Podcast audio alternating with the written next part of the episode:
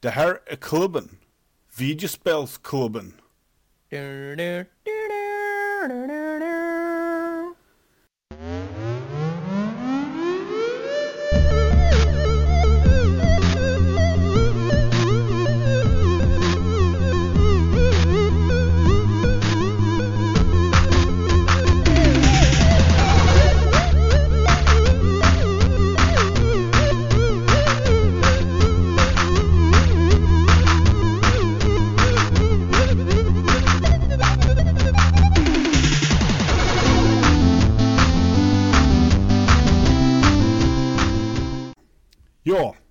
Ni är hjärtligt välkomna till ytterligare ett avsnitt av Videospelsklubben och idag skulle vi prata om licensspel lite längre fram.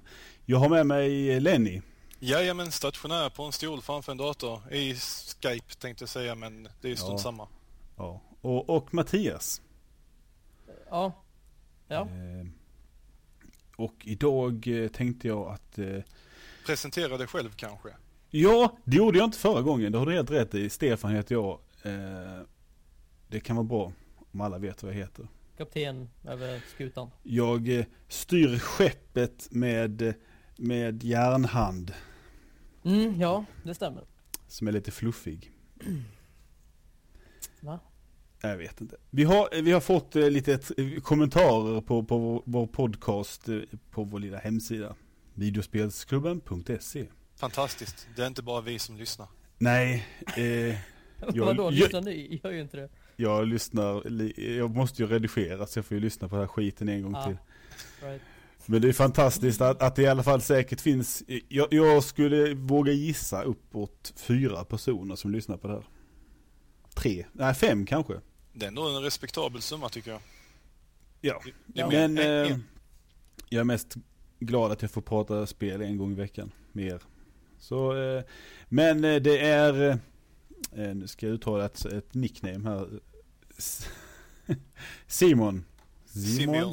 Simeon, 77. Han tycker att podcasten är grym och att den är den, den, är den bästa svenska podcasten han följer. Eh, och att vi spöar IGN Sveriges podcast. Jag vet inte, jag har aldrig lyssnat på dem. Så. Och det var den enda bra kommentaren så därför slutar vi att läsa upp kommentaren nu. Ja, vi, vi behöver inte nämna att där. kanske alla, alla andra svenska spelpodcasts säkerligen är mer kända än IGN Sveriges. Men jag vet inte, jag, nu- nu, ska jag inte trashtalka någonting jag inte lyssnat på. Men nu kommer jag börja lyssna på dem bara för det. Eh, och han meddelar också, vi pratade om i avsnittet när vi pratade multiplayer att eh, om, frågade oss om Secret of Mana fanns till Wii's Virtual Console och det säger han att det finns. Ja men han är en, eh, en Nintendo-fanatiker utan dess like kan jag Ja, lägga till. Han, han säger att han är, någon, han är en connection ambassador, vad det nu innebär.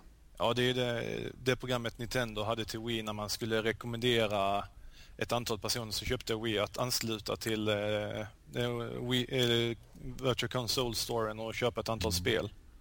Okej.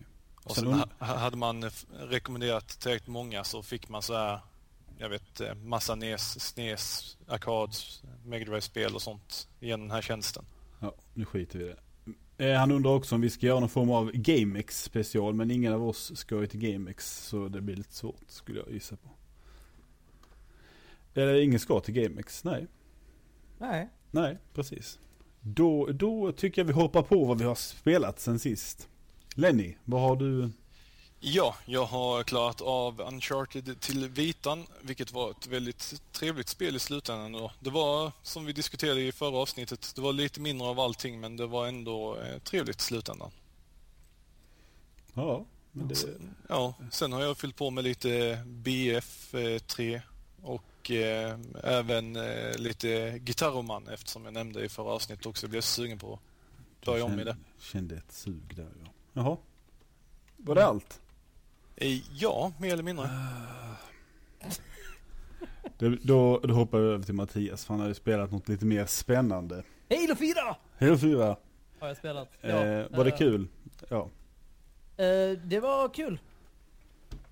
Lattjo Lajban rent av. Ja, det var Lars Lärvan. Nej men eh, om, om jag förstår rätt så borde den här podcasten, det här avsnittet dyka upp den första november någon gång, vilket är när mitt embargo har gått ut. Så jag kan alltså Ja. spoila Och därför hörde ni eh, inte det här avsnittet igår onsdag utan idag torsdag. Eller om ni lyssnar på det på lördag så är det två dagar sedan det kom.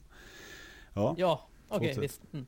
Mm. Eh, ja, Halo 4 alltså. Eh, och vi... Eh, rent spontant, jag är väldigt... Väldigt stort Halo-fan. Halo-veteran sedan Mm. 2001 faktiskt. ja. Ehm, och den stora frågan har väl varit om 343, de nya utvecklarna, skrädda sitt drömteam helt enkelt som tagit över Halo se- sedan Bungie gick vidare. Om, frågan är då alltså om de har kunnat leva upp till eh, Bungies legacy så att säga. Och ja. svaret är ja. Det, är liksom, det känns exakt som Halo. Gillar du Halo så kommer Halo 4 kännas eh, exakt så som du vill att det ska kännas. Det är till och med, spelkontrollen är till och med tajtare än den har varit tidigare. Det är riktigt, Ja. riktigt tajt spelkontroll. Men med det sagt så, Här vill jag, in, jag vill inflika att de, de har ju sagt att alltså, koden som spelet bygger på är ju Reach-motorn Mm. i stort sett. ja absolut. Och, och det Men de har ju- väl finslipat då kanske? Ja, jag tror bestämt att mer eller mindre allting har finslipats liksom i minsta detalj i, i tre år. Och det- man märker att det är mycket bättre och 343 är absolut mer ka- kapabla när det kommer till eh, grafiken till exempel. Bungie hade aldrig kunnat skapa den här Nej. typen av grafik. Eh, man Det, märker det var verkligen väl lite det det man kände i, i Reach där att även om de förbättrade motorn en hel del, eller en del, så kändes det ändå inte som något större hopp från eh, trean. Mm. Nej men precis. Eh, Och eh, med den största förbättringen där var väl kanske ansiktsanimationerna som var vedervärdiga i Vi, vi minns lerklumparna till ansikten från Halo 2 till Mm, exempel. Som var no, de var inte, de hade inga så här realistiska former utan de, var kantiga geometriska former. De, om det var en flintskallig person så hade den verkligen hörn på Ja. huvudet. Men i alla fall, eh, Halo 4 då. Eh, man märker ju att det är Bungies spelkod och allting man förväntar sig från spelkoden är där. Det, det finns Theater, det finns Forge som är bättre än någonsin och eh, 4 player co-op och allt sånt där. Och, och visst är negativa till viss del kvar också. Frameraten kan bli lite hoppig sådär. Men, men som sagt, har du gillat Halo förut så kommer du älska Halo 4. Eh, men sen är det också så att har du inte gillat Halo 4 och kanske hoppades, ah, ny trilogi, ny utvecklare, Microsoft liksom satsar hårt som fan på det här. Kanske man hade förväntat sig någonting eh, lite mer eh, unikt och, och det är det ju inte. Utan jag, jag känner att hade 343 tagit sig tiden att skapa någonting nytt och gjort, gått i en ny riktning och gjort något mer spännande kanske. Då hade de högst troligen kunnat göra. De hade säkert lyckats gjort ett bra jobb. Men jag tror att den stora frågan för dem var att vinna eh, respekten eh, och eh, få fansen att, att lita på dem med Halo som licens. Ja. För, för hade Halo 4 inte varit som resten av spelen då hade folk hatat dem för det. Du menar att Så- de, de kanske kan gå lite längre åt sitt eget håll sen i, Jag i, fe, i hoppas femman? att, att de tar, det ska ju vara en trilogi då, så jag hoppas att de, de går i en eh, lite mer eh, unik riktning i Halo 5. Ja. Ehm, för, för jag minns när, när spelet visades upp för första gången så hade, då hade jag faktiskt förväntat mig att det skulle vara någonting lite annorlunda. Du hade säkert också det, eh, Eh, ja, jo. Ja. Men, Men, eh, men nu är det liksom en, en, en logisk utveckling av Halo-formerna som har funnits i tio år och det är den bästa uppgraderingen sedan Halo 2 till Halo 1 känner jag. Eh, Det, det har hänt så oerhört mycket. Ehm, Ja, just att med att byta ut, alltså eh, he, ha en helt ny fiende. För vi har liksom gått runt med, med bara The Covenant och Mm. The Flood i, fyra spel nu eller vad det är. Och eh, ja, Promethean som de heter då, som är... Ja. Eh, vad de egentligen är får man reda på i spelet. Och det är troligen den största spoilern av dem alla, så jag ska inte säga någonting om det. Men eh, de är faktiskt eh, riktigt grymma att möta. De kräver taktiker som vi aldrig har utnyttjat i eh, Halo-spelen förut. Som att de kan teleportera sig och, och de finns eh, flygande Promethean som kan ge sköldar på de större och, och sådär. Eh, Och vissa av dem kan klättra på väggar och allt möjligt. Så, så de absolut mer intressanta att möta medan konvenanterna i sig har fått en, en väldigt så här anonym roll nästan. De är där men de... Ja, de... de spelar ingen roll i den här stora konflikten. Vilket är lite tråkigt för jag gillar Covenanterna och, och um, jag känner att de har blivit lite downplayed i Halo 4. Men jag misstänker att det till stor del är just för att de försöker um, övergå från det här vad som är bekant Ja. till någonting nytt. Så i framtida spel så, så tvivlar jag på att eh, Covenanterna kommer ha eh, kommer synas lika mycket och absolut inte eh, som fiender utan snarare som allierade kanske. Ja, ja. Känner du att, eh, utan att ta någonting om storyn, att det, att det liksom lägger en bra grund för en fortsättning? Absolut. Jag hade, när de sa att det skulle vara en trilogi, så hade jag verkligen förväntat mig att det skulle vara precis som med Halo 2, det skulle sluta med en cliffhanger. Man skulle känna sig riktigt jävla besviken, lite antiklimax där och bara ja, okej, nu måste jag vänta till Halo 5 om, ja, om en konsolgeneration. För det lär ju inte komma till 360 i alla fall. Eh, Men Halo 4 slutar, det har ett, ett, ett slut helt enkelt. Man känner sig Ja, att man har mer- åstadkommit någonting men det finns absolut jättemånga sådana här lösa trådar som näm nämns och teasas. Som, Okej. eh, m- som tyvärr liksom aldrig leder någonstans i Halo 4 just för att det är gjort för att vara en trilogi. Eh, Så det stora hotet, det viktiga är det som händer. Det får ett avslut. Man känner att man har åstadkommit någonting. Men man vet att det kommer hända mycket mer efter det här. Ja, okej. Ja, det låter trevligt. Ja, Har du Och, spelat, eller du ville? ja eh, multiplayer tänkte jag väl. Ja, jo, det får du Ja. gärna ta Eh, lite. Spartan Ops har vi först och främst som eh, är deras sätt att eh, hålla kvar folk eh, efter den första veckan så att säga. För, ja, om man, om man köper spel för 600 kronor idag så kanske man känner att det kanske inte är så värt att behålla det när man väl har klarat kampanjen och kommit en bit in i multiplayer. Och kanske man säljer vidare. Så Spartan Ops är, deras sätt att hålla kvar folk genom att eh, släppa gratisuppdrag till en, en ny kampanj som heter då Spartan Ops där man kan spela som fyra personer eh, och, och gå igenom små uppdrag. Och eh, de visade sig vara väldigt eh, ambitiösa, mer än vad jag trodde. Så det känns verkligen som så här bit-sized, kanske 10 minuter långa mini-kampanjuppdrag där man får pröva på superroliga fordon och vapen och etc. etc. och eh, ha lite olika uppdrag i, i varje kapitel. Eh, och det finns fem eh, kapitel i, i, en, i en episod så att säga. Eh, och eh, det kommer släppas en ny episod varje vecka eller varje månad eller någonting sådär. Och tillsammans med de här eh, banorna, spelbara eh, sakerna, så släpps även Mm. eh, förrenderade mellansekvenser som är som en liten tv-serie. Jag kommer inte ihåg hur långt första avsnittet är men kanske 10 minuter och det är faktiskt väldigt ambitiöst det också. Det ser verkligen ut som det ser bättre ut än den tecknad eh, datoranimerade Star Wars-serien om man säger så, som går på Cartoon Network, eh, Clone Wars. Eh. Så det ser verkligen ut som någonting som skulle kunna sändas eh, ja, på, på tv. På då. Det är- tv. Ja, Mm. ungefär. Eh, riktigt så här grymma rymdstrider och så. Som då ehm, tar vid sex månader efter Halo 4 slut. Och fortsätter storyn då och jag misstänker att ja, 343 har sagt att det här kan fortsätta i flera år om de vill det men eh, Antagligen inte. nej, antagligen så kommer det ju leda upp till Halo 5 på något sätt. Eh, Ja. Precis. Och sen ta vidare.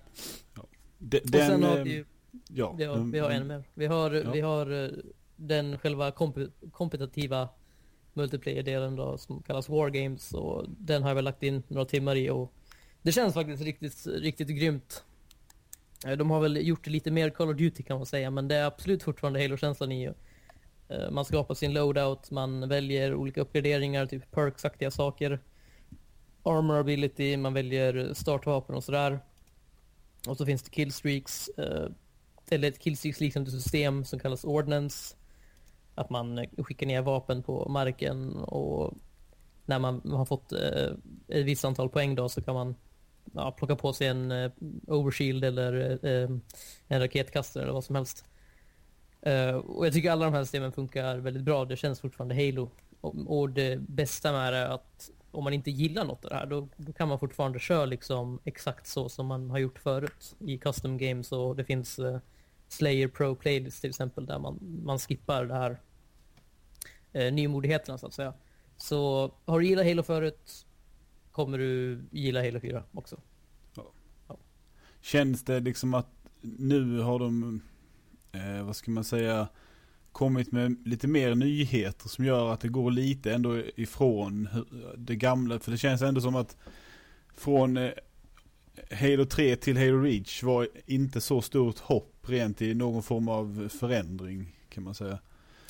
Um, jag tänker med att man kan, man låser upp lite, det finns mycket fler vapen och, och, och så här nu än innan. Innan Bungie körde på det här att det skulle liksom vara väldigt få vapen egentligen. Medan nu har man, eh, vad kan det vara, sex olika gevär bara till exempel. Ja, ja precis.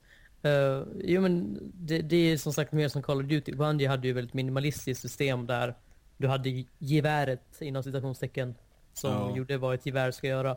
Men här är det finns absolut utrymme för hybridroller så att säga. Om man jämför eh, DMR från Halo Reach med Battle Rifle från Halo 3. Båda de finns med i Halo 4.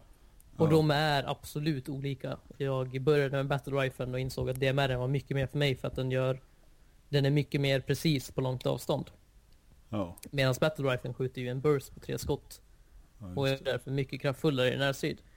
Sen har vi Light Rifle som är Promethean-rasens vapen då, då, Och den gör så att den skjuter tre skott oscopat. Och när du scopar in så skjuter den ett skott. Så den är ja, lite det bästa av, av två världar så att säga.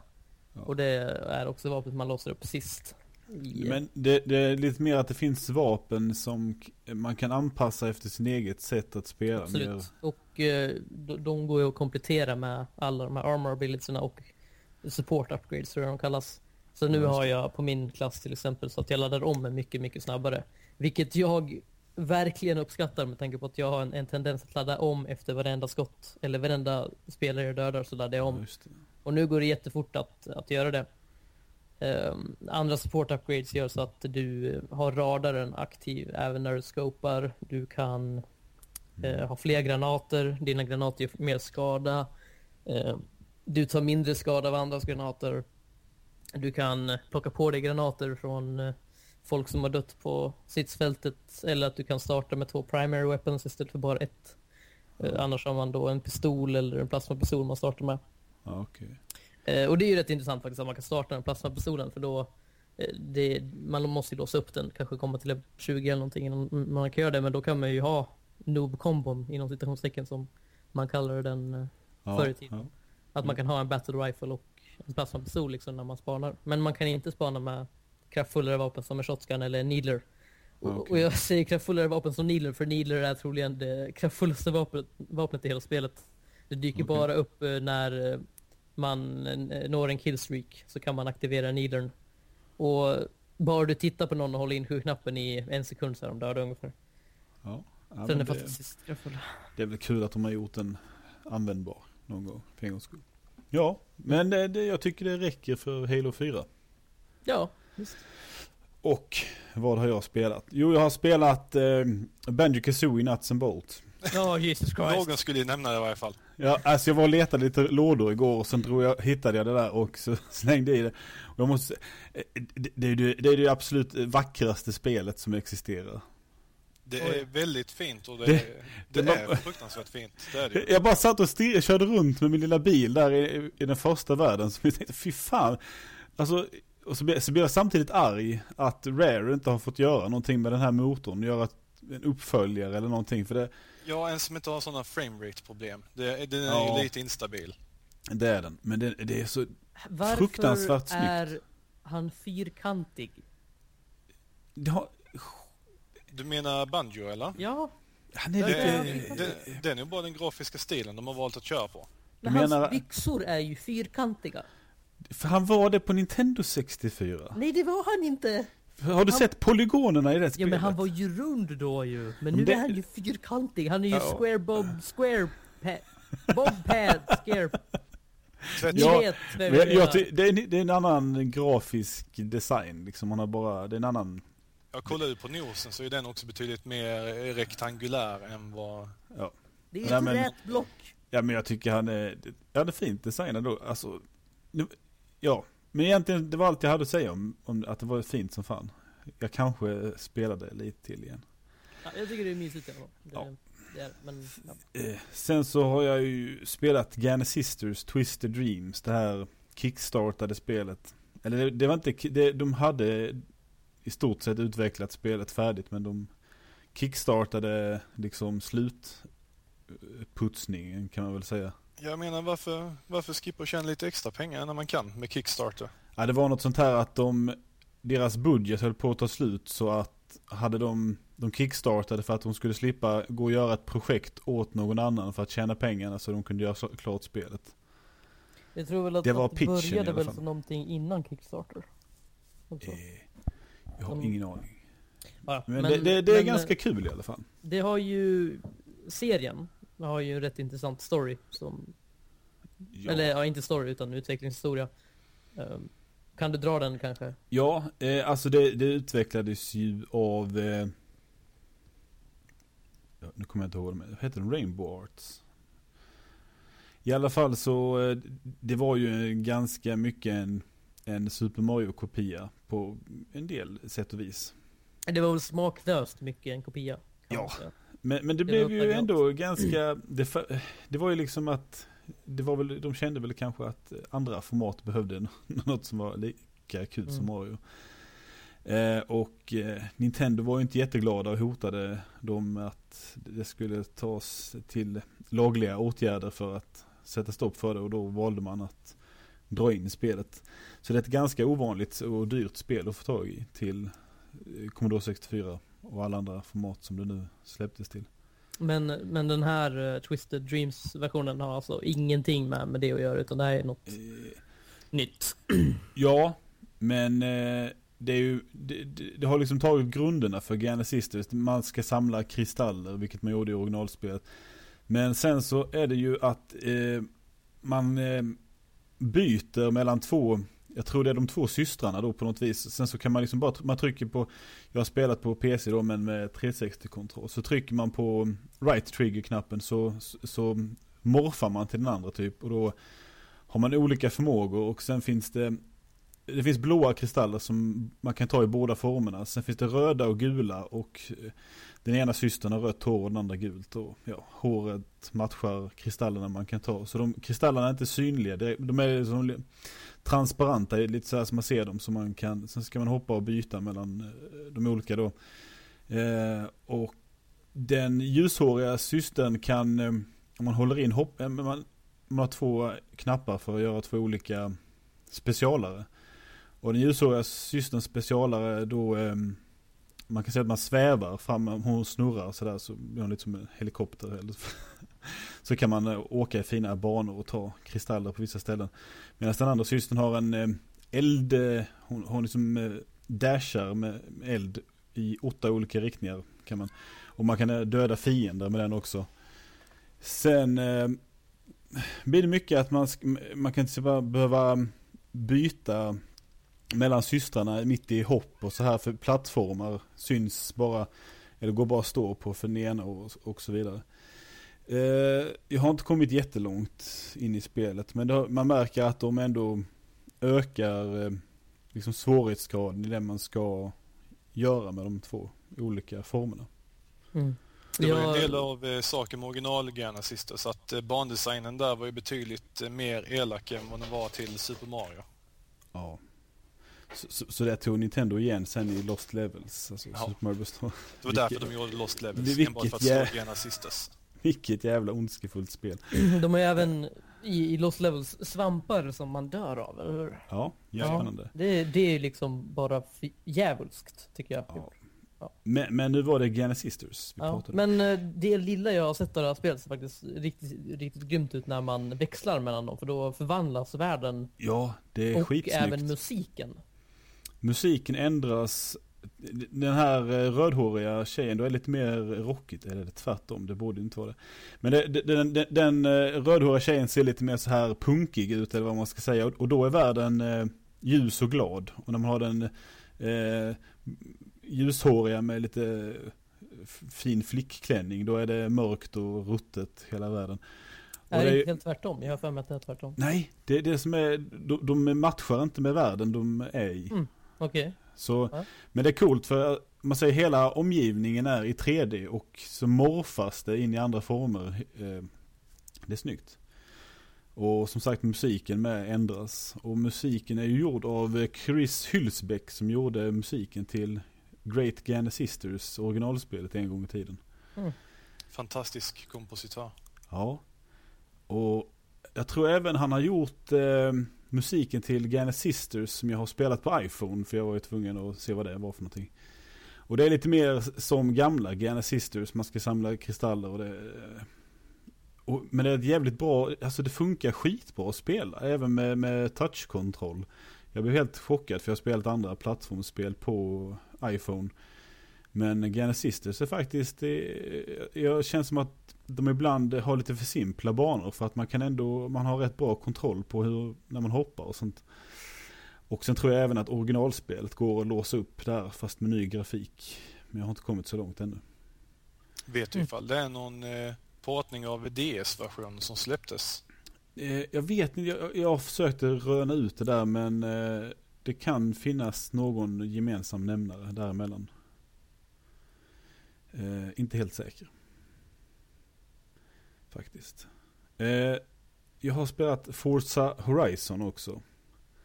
Eh, det, det, är jättekul att köra bil i Forza Horizon.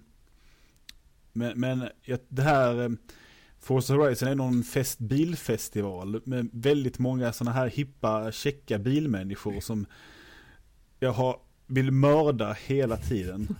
Och det är ett himla jävla tramsande hela tiden och de Oh. Snälla säg att man kan köra över dem åtminstone. Nej, man ser dem, man, det är sådana mellansekvenser och hela tiden, det, det, är så mycket, det känns, jag vet inte om det är i början av spelet när de ska introducera massa funktioner och sånt så måste det göras genom att man liksom pratar med folk och så.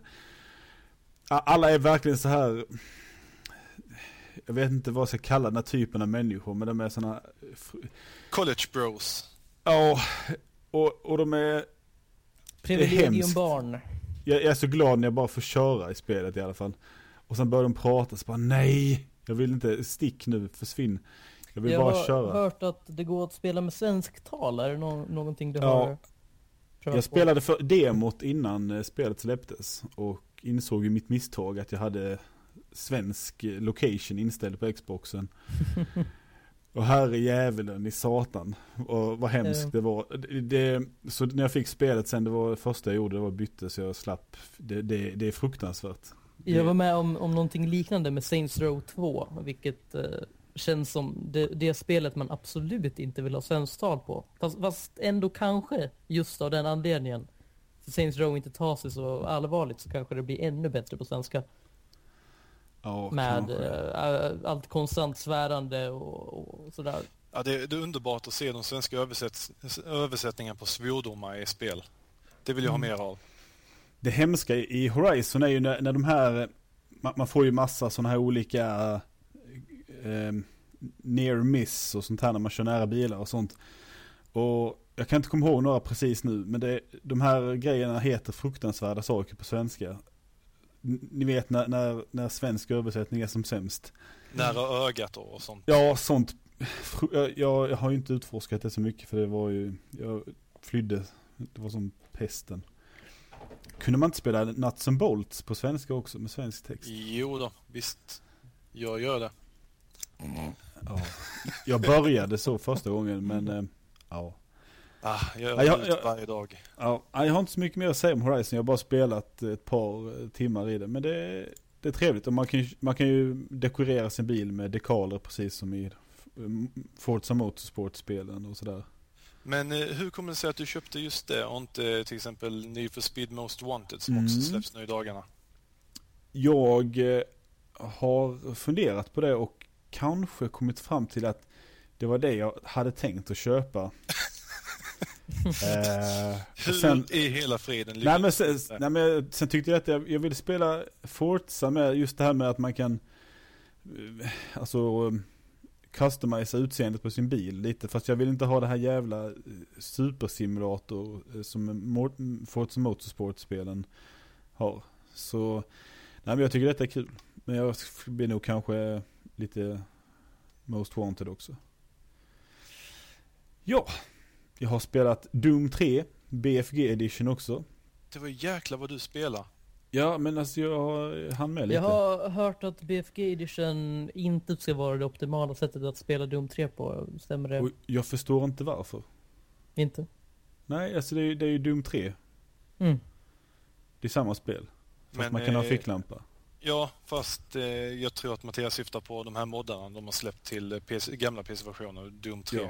Men det är, ju, det är ju aldrig, det är ju inte några officiella grejer som aldrig skulle släppas i en officiell version ändå. Så att eh, man- jag vet inte, man kan inte gnälla om att, eh, att man inte har med moddar. Ja. Ja, ficklampan är ju en mod egentligen, om man ser på det så. Ja. Jag Men- vill eh, minnas när när Duke Nukem 3D släpptes till Xbox Live och då hade jag spelat PC-versionen med moddar och det, den är ju sann 3D verkligen. Och sen går man till Xbox-versionen och det är så här fusk 3D med, ja. jag vet inte vad Men det är så det ska vara. Man ska inte modda spel, de ska vara som de är. Mm. Det var bättre, bättre förr och så vidare. Vänta nu Mattias, Va, fusk 3D, vad har jag nu missat? Jag, jag, nej, det är klart att Duke Nukem 3D är 3D, men jag, jag menar sprites som fiender, sånt har jag aldrig gillat. Att oavsett vilken eh, Ja, riktning okej. du kollar på dem ifrån så är de alltid platta kartong eh. Ja, okej. Ja, jag, jag börjar fundera på miljöerna Det- i spelet det och är vackert. en dom Nej. och så vidare och så vidare. Men ja, ja, du förstår vad jag Nej. menar. Men i alla fall, eh, jag, eh, jag började, jag har aldrig orkat ta mig igenom Doom 3 just för att det är så jävla mörkt och sådär. Så jag har alltid velat, tyckt att det skulle finnas ficklampa och nu har jag fick, jag använder inte den hela tiden. Det är mer så här att det är så jävla mörkt på vissa ställen så att man bara blinkar till med ficklampan så har man sett vad som är ungefär för korridorsform framför ungefär så. Mm. så och man får ju expansionen, eh, vad det nu heter, Resurrection of Evil tror Resurrection jag. Evil, ja. Och sen så en ytterligare en expansion med åtta nya banor på något sätt. Helt nya då för BFG edition och plus att man får Doom 1 och 2 eh, Xbox Live Arcade-versionerna eh, är det väl ungefär till också. Så jag, jag tycker det är jättekul förutom att eh, det är jävligt jobbigt när man skjuter i Doom 3. Alltså det, det, fienderna reagerar oftast inte på att man träffar dem. Så man vet inte riktigt om man träffade dem eller inte. Men sen så dör de helt plötsligt. Utan att ens ha ryckt till av att man sköter med en shotgun ibland. Det är jättemärkligt. Eh, Men de är ju människor som är övertagna av demoner så då kanske inte de bryr sig så mycket. Det, ja. Jag, jag Har tycker du det spelat är, något mer? Jag har spelat Duke Nukem Forever, The Doctor Who Cloned You lite, några, ett par timmar. Tror jag. Ja, okej, ta det fort då. Ja, eh, jag kom, det, ja, det slog mig att Duke Nukem Forever har mycket, det är mycket roligare att skjuta i Duke Nukem Forever än i Doom 3 i alla fall. Fruktansvärt trevlig shotgun i alla fall. Det är helt eh, fantastiskt. Jag har spelat War C också men det vill jag inte prata om så vi kan... Eh, Låt mig gissa, du har gett bort ett vapen till någon och någon Nej. har dödat dig. nej, jag har bara dött och dött och dött. Och folk är onda fortfarande. Jag har faktiskt haft ihjäl två människor. Det var en som började slå mig i ryggen med en hammare så jag slog ihjäl personen med en hammare. Och sen så såg jag en människa som stod och grejade med någonting så jag sprang fram och slog människan i bakhuvudet med hammaren. Nu har du ju blivit en av dem. Nej, nej det visade sig i statistiken One sen när. Det, One det, vi- of us. det, det var en bandit. Statistiken visade att det var en bandit. Så jag, Ja, jag, men han kanske har blivit ditsatt och håller på med ja, en varm choklad till dig. nej. Och Nej. sen dess har jag bara, varje gång jag startat så kommer jag i närheten av ett litet samhälle. Och det första jag hör är att folk skjuter och grejer. Och sen försöker jag liksom smyga runt och hålla, men det slutar alltid med att någon har sett mig och skjuter ihjäl mig. Och Men det är kul ändå. Mm. Det är bara en alfa, de har inte fått in alla system och sådär ännu. N- när du berättar om spelet så låter det verkligen inte som att du tycker det är kul. Nej men jag orkar inte berätta om det. Det, det roliga är när man verkligen så här smyg, går runt och innan. Det, det är faktiskt, man, jag har ju kommit fram till att det här med att folk skjuter ihjäl en, det, det, bidrar till den största spänningen i det hela. Att man ska försöka eh, undvika andra människor och sådär. Och, och innan man klampar in på ett ställe så ska man kanske ligga ute bland träden lite och kolla om det finns folk där inne. Vilket jag har försökt göra nu men Sen springer jag in där en- ändå och blir ihjälskjuten så får jag skylla mig själv. Eh, Det var allt jag hade spelat. Ja, Ja, sen har jag du har två... varit upptagen. Ja, alltså, jag har ju spelat lite av varje men det känns ändå som jag har fått eh, en bra bild lite över dem. Nuts Mm. and Bolts spelade jag i en halvtimme igår tror jag. Jag körde första, fick första pusselbiten eller vad fan det är man får. Oh. Ja, eh, två nyheter har jag antecknat som vi kunde. Det, den första är det här, någon 16-årig pojke som om, omhändertogs för att han satt och spelade för mycket och slog sin far för när han försökte avbryta spelandet. Jag gillar hur du skrattar det där. Ja, nej men eh, det är inte bra. Nej. Eh, och förvaltningsrätten har, i sin dom sagt att det här är ett socialt nedbrytande beteende och det är ju klart det. Men, men eh, det jag irriterar mig på är hur media försöker få det här att låta som att det är något vida spritt problem. Att nu, nu tar spelen här och tar över de ungas sinnen och fördärvar dem. Och så, nu får ni börja det här moralpanik. Ja, det, det är alltid moralpaniken. Det, det kommer ju alltid i vågor i varje ny generation. Ja. Det är inte så mycket att hänga upp sig på. Det är bara till att ignorera och gå vidare. Ja, för det går ju alltid över och ingen bryr sig till slut. Men, då har vi ju det här med att eh, vi pratade, var det förra, förra avsnittet eh, när vi pratade om Modern Warfare 2 eh, banan som fick, fick lite modifieras för att de hade tagit Allah in på toaletten. Nu har, eh, nu är det Namco som har trampat i klaveret i Tekken Tag Tournament 2. Och man har eh, skrivit Allah på golvet på den saudiarabiska banan. Och detta, detta uppmärksammade två Twitter-användare Namco som, och Namcos eh, eh, Katsuhiro Harada som då är producent för, för teckenspelen. Han twittrade då att We didn't know that, we will change stage design data as soon as possible. We couldn't read that. Nej, men det designade spelet så ni vet väl fan vad det stod. Men, men det är det grejen, okej, det, det, banan utspelar sig i, i ett muslimskt land, vilket Mm. jag tror, ja. Är det helt ologiskt att, är det, får man inte trampa på namnet då eller vad? Jag, Nej, antagligen inte. Jag kan ju tänka Men- mig att eh, man får ju inte besudla deras profet med någonting som är smutsigt och eftersom ja, fotsulorna bör väl vara smutsiga i detta fallet så är det säkerligen så också. Jag- Jag tycker inte att det är det som är problemet här. Precis som vi sa i förra avsnittet då, att någon designade den här banan. Någon skapade den där omgivningen. Någon bestämde sig för att det skulle stå någonting på det här golvet. Och någon bestämde sig för att det skulle stå Allah på golvet. ja, men fortfarande, Varför? men, men, men för att det, det utspelar sig i, i en arabisk Ja, eh, och det enda värld. sättet att få det att kännas arabiskt är att skriva Allah på golvet, eller? Nu, nu, Ja. nu glömmer ni bort en sak här. Nu får ni tänka på att det är japaner som har designat spelet och vad är japaner bäst på om inte ingerish? Och så som de slaktar det engelska språket så är det inte en dag för tidigt. De börjar slakta andra språk också. Ja, nej, men jag, jag tycker... Jag, jag Men, är säker på att personen som skrev det där, la dit det, är medveten om vad den gjorde. men, Kanske att de inte tänkte på att det skulle... Men de vet kanske inte just att, de, de tänkte att det här är, det här är liksom en arabisk miljö, jag, vill, jag lägger in någonting som, som är, Allah, visst okej. Men de, de, de vet ju kanske inte att så, så får man inte göra enligt eh, muslimsk lag eller så. Men Äh, man behöver ju inte in och ändra och hålla på. Nu ringer mitt larm här, det var inte meningen. Och det var Ehm. lite slarvigt att inte satt den på ljudlös. Den är på ljudlös men larmet går över det ljudlösa. Ja, men det var faktiskt alla nyheterna. Det, var, det hände inte så mycket kul. De släppte något releasedatum för SimCity men vem bryr sig? mhm. Jag, jag spelar inte SimCity. Så då är det dags för eh, det kanske bästa segmentet i hela podcasten. Har den bytt namn igen? Nej, Nej. Den heter Tillbaka till dåtiden. Och eh, idag så handlar det om den 29 oktober till 4 november år 1992, 1997 och 2002. Och förra gången så skulle jag ju ge lite ledtrådar och så här för att eh, ni skulle gi- gissa fram spelen. Sen så insåg jag att jag hade inte alls eh, gjort det här, förberett mig speciellt väl. Så idag, idag, idag har jag försökt att eh, lägga upp det och ha, ha lite, lite ledtrådar så, färdigskrivna. Mm. Och jag börjar med 1992. Det här är ett Gameboy-spel som släpptes den 2 november. Eh, eh, det är mm, mannen som eh, regisserade spelet är Hiroji Kijutake.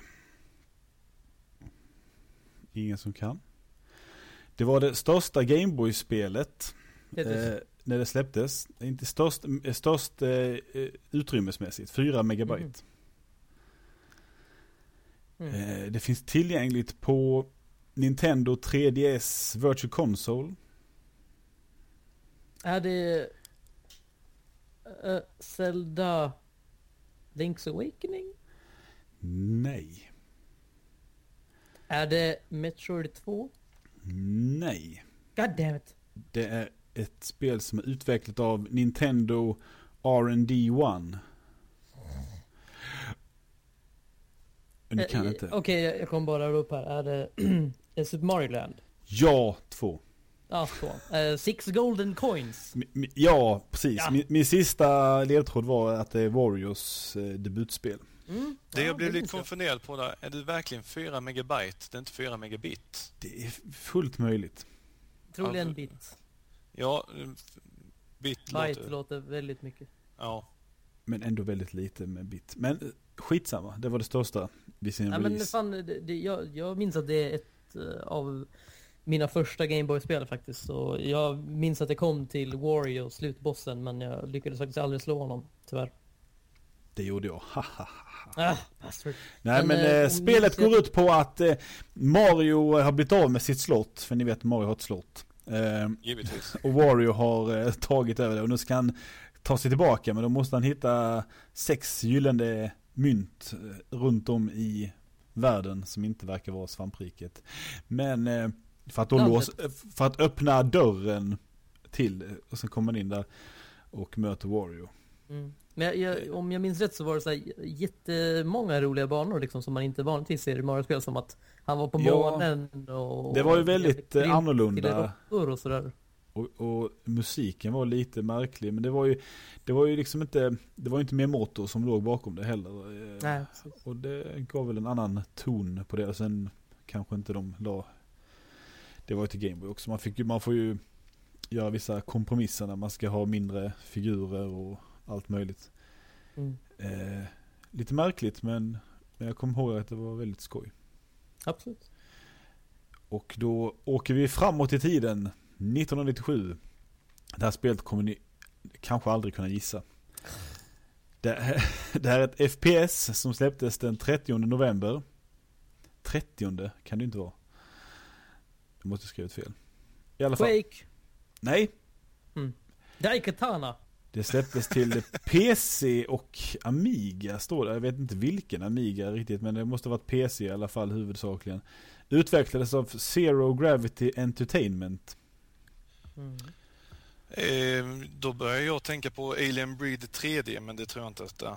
Nej, och jag tror jag gör det lika bra. Det här är en inofficiell total conversion av Quake. Alltså en helmod, eller vad man ska mm. säga.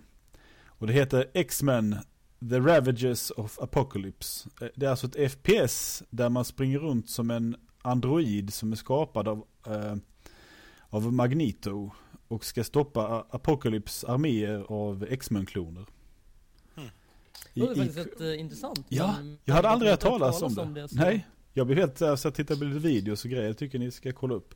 jag tycker det låter helt jättetråkigt. Ja, men det, det ser ut ungefär vara kul att testa i tio minuter. Så, så kommer det, när du, när du har sett din tionde eh, Cyclops kommer att skjuta strålar mot dig och du bara skjuter ihjäl dem med ditt jävla supergevär. Sen så är det inte kul längre kanske.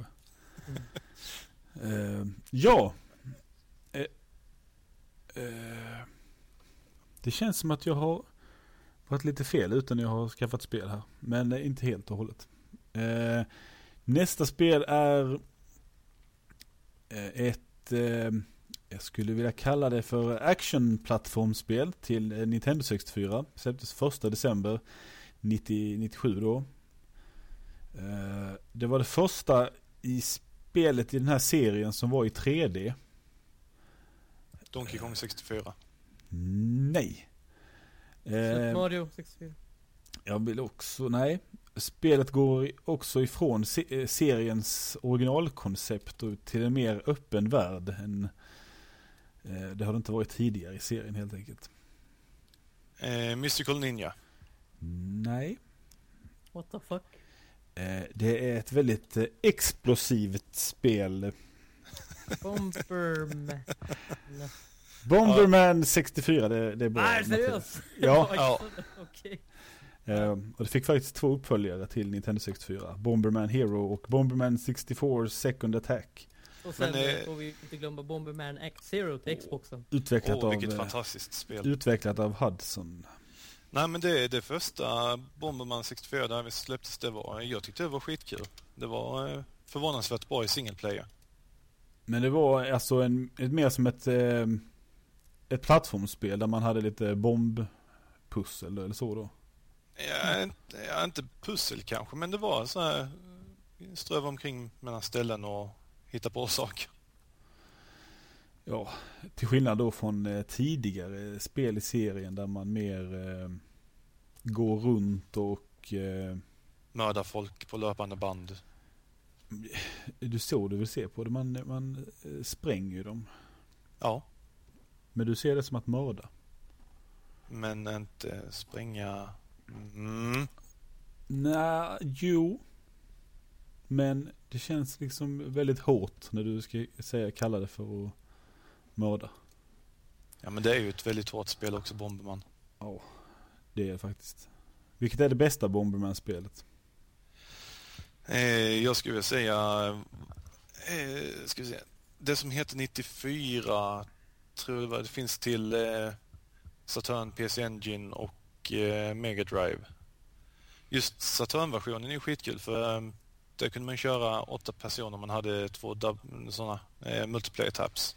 Mm. Jag tror inte man kunde göra det på PC Engine-versionen. Jag är lite osäker och definitivt inte på Mega Drive-versionen. Nej. Men eh, så att jag skulle säga ja, Bomberman 94 alternativt det som släpptes till Saturn. Mm. Som jag inte kommer ihåg exakta namnet på. All right. Då går vi vidare i eh, listan. Och hoppar till 2002. Det här är ett... Det här är det andra spelet i den här serien som är i 3D. Eh, eh, eh. Släpptes 29 oktober till Playstation 2. Ja, det är fantastiska ledtrådar än idag alltså. Eh, Det är det sjätte spelet i serien.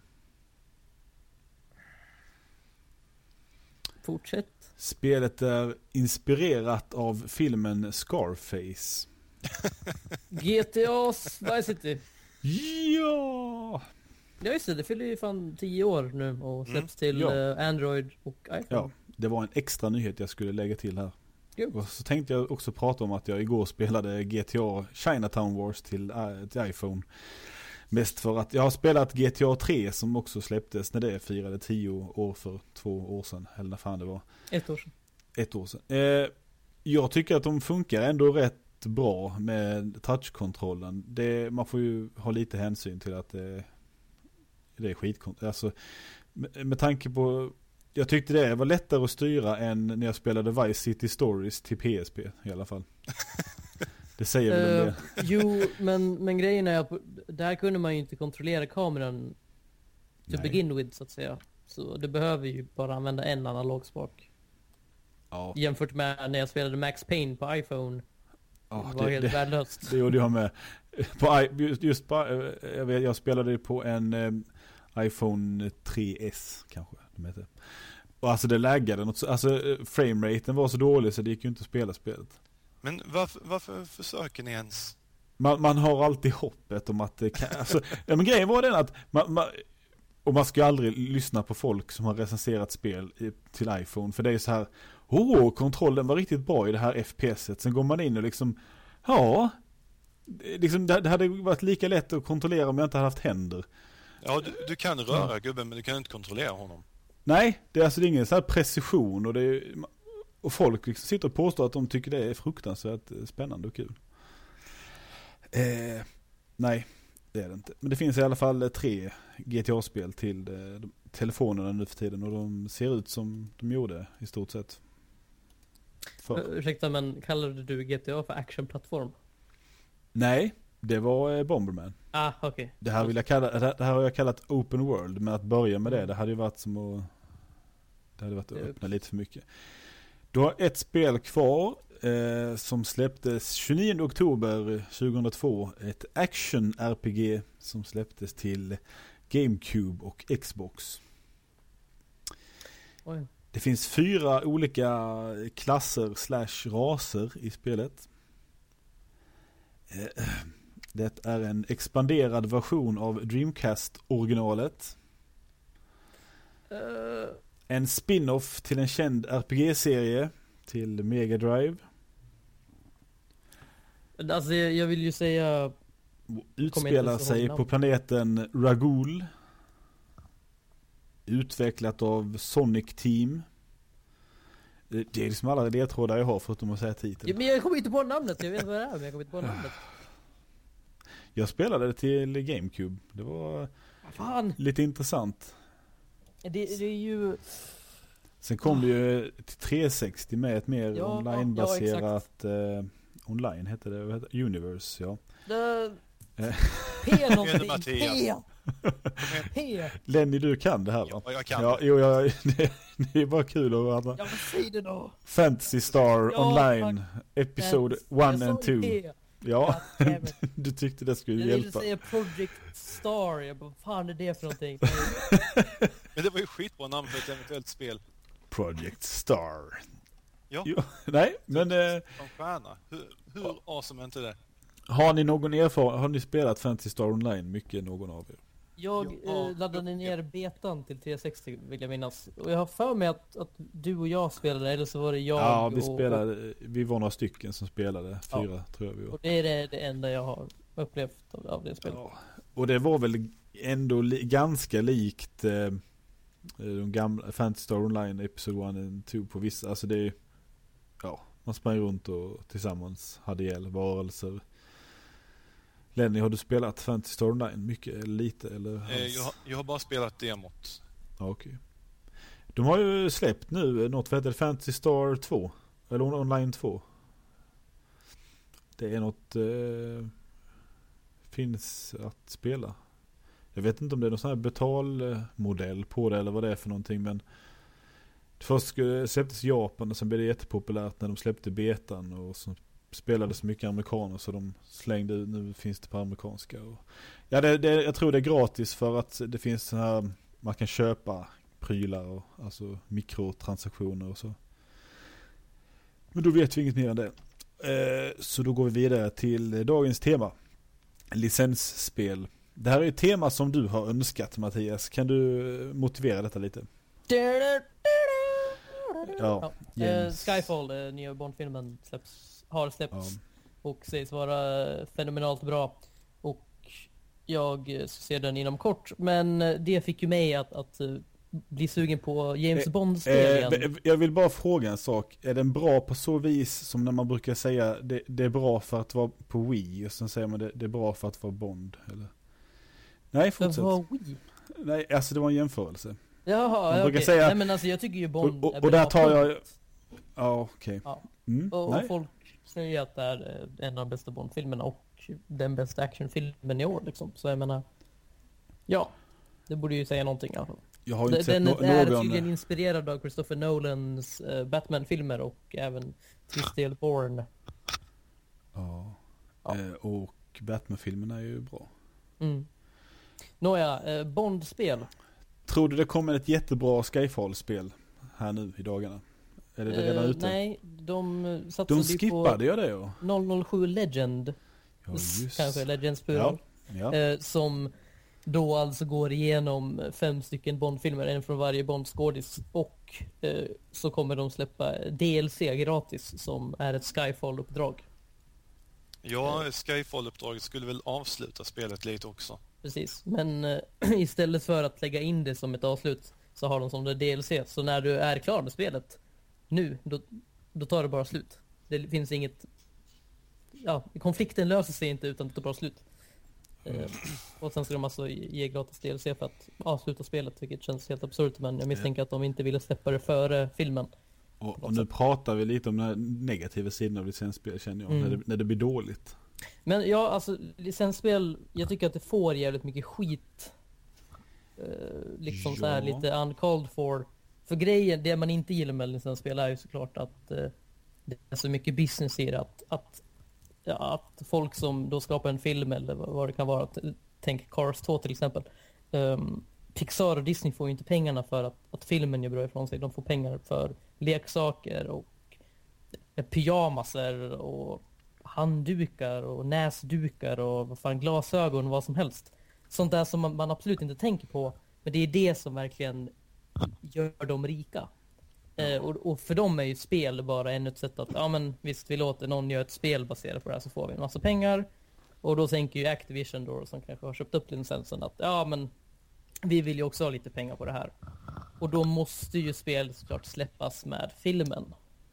Ja. Annars kommer det Och, inte och, och där har vi ju problemet när, när en film tar kanske ett halvår, ett år eller vad det kan vara och, ut, och skapa liksom och sen tar ett riktigt bra spel två, Mm. Ja, tre. alltså en film tar ju två, tre år också. Men grejen är väl den att du kan ju inte börja med spelet innan filmen redan är klar. Ja, du måste ju veta hur det ska se ut, du måste ha skådisarna, du måste ha Ja. rösterna, du måste ha omgivningen och, och sådär. Och, och vid det laget så har de kanske ett halvår upp till ett år på sig att göra det här jävla spelet. Och, Mm. och då kör Så man ofta på är- samma då, och då mall. kan man ju kolla på High Moon Studios, jag de heter. De har skapat några Transformers-spel.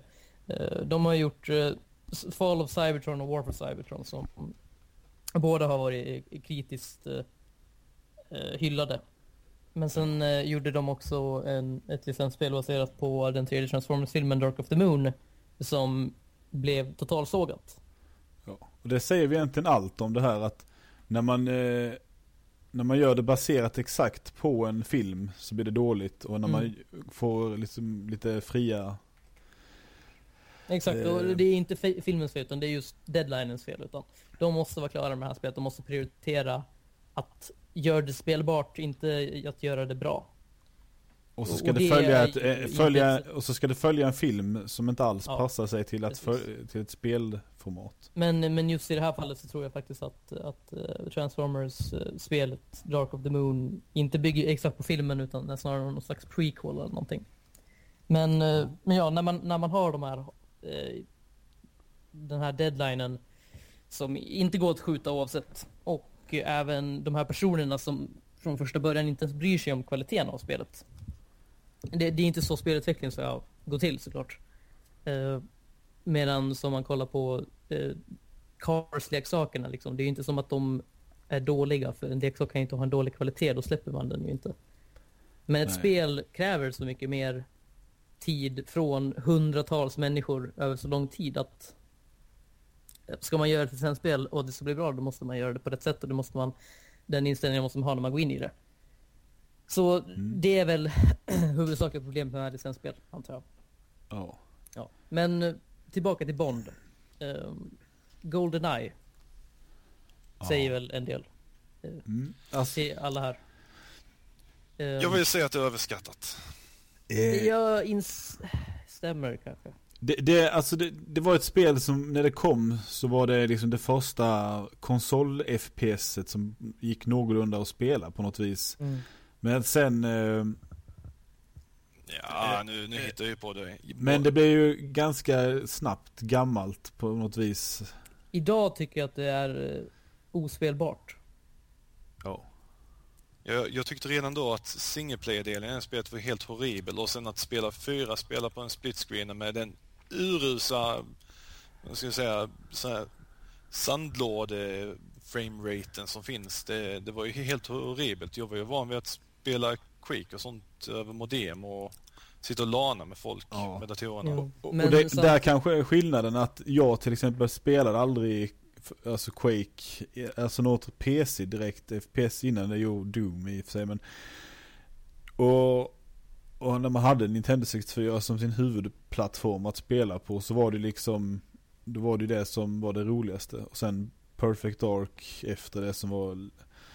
Folk gnällde ännu mer på frameraten i det men jag tycker nog att det var bättre ändå.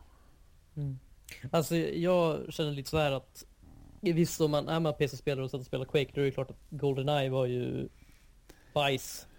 Om man ska vara Rakt, snäll. rakt i ögonen också. Nej, det, det var ju Eh. inte nice, absolut inte, men eh, det, det var ju inget nytt Nej men det var ju ingenting du skulle spela liksom när du kan välja. Men, men grejen är ju att eh, på den tiden då var det ju inte särskilt praktiskt att ha LAN. Jo då, det Ja men okej visst, för dig kanske det var det. Men jag, jag tänker liksom i vardagsrummet. I vardagsrummet har du TVn. Den är där oavsett om du har en konsol eller en PC. Det finns alltid en soffa framför TVn. Det finns alltid plats för fler personer i soffan än dig själv. Och eh, ja, en konsol. Det var hur enkelt som helst. Du kunde stoppa in fyra handkontroller och så kunde du spela tillsammans i soffan. Inget hassle med att sätta dit en massa datorer och skit. Och jag menar, jag spelade Goldeneye med min morbror, min moster och hennes eh, sambo. Nej, Liksom. jag, jag förringar inte vad det har gjort för eh, generation, tv-spelsgenerationen, men jag tycker bara att det är överskattat på så många nivåer. Nej men jag, jag håller med att, att det är ju, idag är det ju inget bra spel på den tiden så var det ju revolutionerande men det var ju fortfarande Och det, det är tråkigt, jag, tycker det är tråkigt när folk idag säger liksom att ja, Goldeneye det är ju ett, det är ett bra exempel. Ja men det var kanske ett bra exempel men nu för tiden kan man inte komma och säga att Goldeneye är ett bra spel längre. För det, det har åldrats så jävla dåligt. Det, den här kontrollen som man har eh, införde, det här med, att ska man titta upp och ner så får man trycka på de här gula C-knapparna upp och ner för att sikta upp och ner. Visst när jag spelade det här spelet, jag kunde ju sikta upp och skjuta på folk, men det var ju när man hade spelat hundratals timmar i det där online-läget, eller inte online, det var lite överdrivet igen. Eh, nej, men det är ändå ett av de bättre Bond-spelen ändå. Nej, nej, Nähä? nej. Du vill... Det Eh, var just det jag ville diskutera faktiskt. Att, Okej. att Goldeneye blev ju så pass hyllat att när, eh, när licensen för Bondspelen gick över till Electronic Arts så tänkte ju de såklart att ja, ja, Goldeneye, ja men vi gör väl ett till sånt då. Så helt plötsligt så skulle Bond, Bondspelen, skulle handla om eh, pistoler och gevär och korridorsskjutande och järnlöst sprayande av vapen. Eh, trots att Bond aldrig har handlat om det, alltså filmmässigt. Så det har ju inte varit bra Bond-spel. Det kanske har varit bra spel, det har inte varit bra Bond-spel. Men ändå har de försökt att, att skapa nästa Goldeneye. De gjorde till och med Goldeneye Rogue Agent som, där man spelade som någon slags anti-James Bond och fick döda James Bond i första uppdraget eller någonting. Bara för att ha namnet Goldeneye. Och bara för, för ett års, förra, förra året så släpptes ju, ju ett nytt Goldeneye liksom med Daniel Craig i Så Goldeneye lever ju kvar fortfarande som det här ultimata platt, äh, Men eh, licensspelet. det, det här som släpptes förra året, det var ju en, eh, f- någon form av remake av eh, Nintendo 64-spelet. Nej, nej, nej. Så, var det inte så? Till Wii släppte, Activision tog över licensen sen. Ja, okej. De gjorde ett spel som hette Goldeneye till, eh, jag Ja. hade en undertitel, jag vet inte. Till Wii. Ja. Som, det är ingen, ingen remake alls. Det är snarare en remake av filmen Goldeneye. Ja, det är okej. Daniel Craig istället för Pierce Brosnan. Det är helt nya karaktärer, eh, eller helt, helt nya skådisar till de andra karaktärerna. Och det är ju helt andra banor, det har absolut ingenting att Nej, göra det, med det märkte jag. Jag testade demot eh, till 360-versionen. Så det är okej. Men Mm. då... eh, Det är ju då, fortfarande lite så här bråk om vem som egentligen äger rättigheterna till Rares Ja. Goldeneye. Det är ju Nintendo inblandade, Rare, Microsoft och Activision. Vidare. Rare hade ju gjort en Xbox Live Arcade-version nästan klart där. De- skulle, det var en månad tills de skulle släppa den. Och sen Ja, exakt. förbjöd Nintendo dem från att släppa den. För de Ja. hade någon rättighet någonstans. Nåja, eh, i alla fall. Eh, EA då, då. De gjorde ju eh, Tomorrow Never Dies-spelet, de gjorde The World's Not Enough-spelet. Men sen eh, gjorde de ju egna Bond Stories, Agent Under Fire och Nightfire. Och Ja, tyvärr okej. så är Alexander inte här att prata Nightfire med mig, men, men Nightfire Nej. det var fruktansvärt bra spel multiplayermässigt. Eh, Är det ett FPS? det är ett FPS och Okej. liksom precis som Goldeneye så var det fyra players split screen och sådär. Men det här var ju efter Halo. Så det är, är ju spelbart än idag faktiskt. Det, och då var det ju massa sådana här högteknologiska prylar man kunde använda och radiostyrda helikoptrar och skit Men, och är, massa. är, är, alltså det är kampanjen som är kul också eller? Kampanjen är ju liksom ett, ett nytt Bond-äventyr helt enkelt. Så gillar du Bond så har den ju allting som, som Bond Jag kommer ihåg att själva, har. jag kommer ihåg att själva gimmicken i det spelet var ju att du hade sådana bond moments under banan.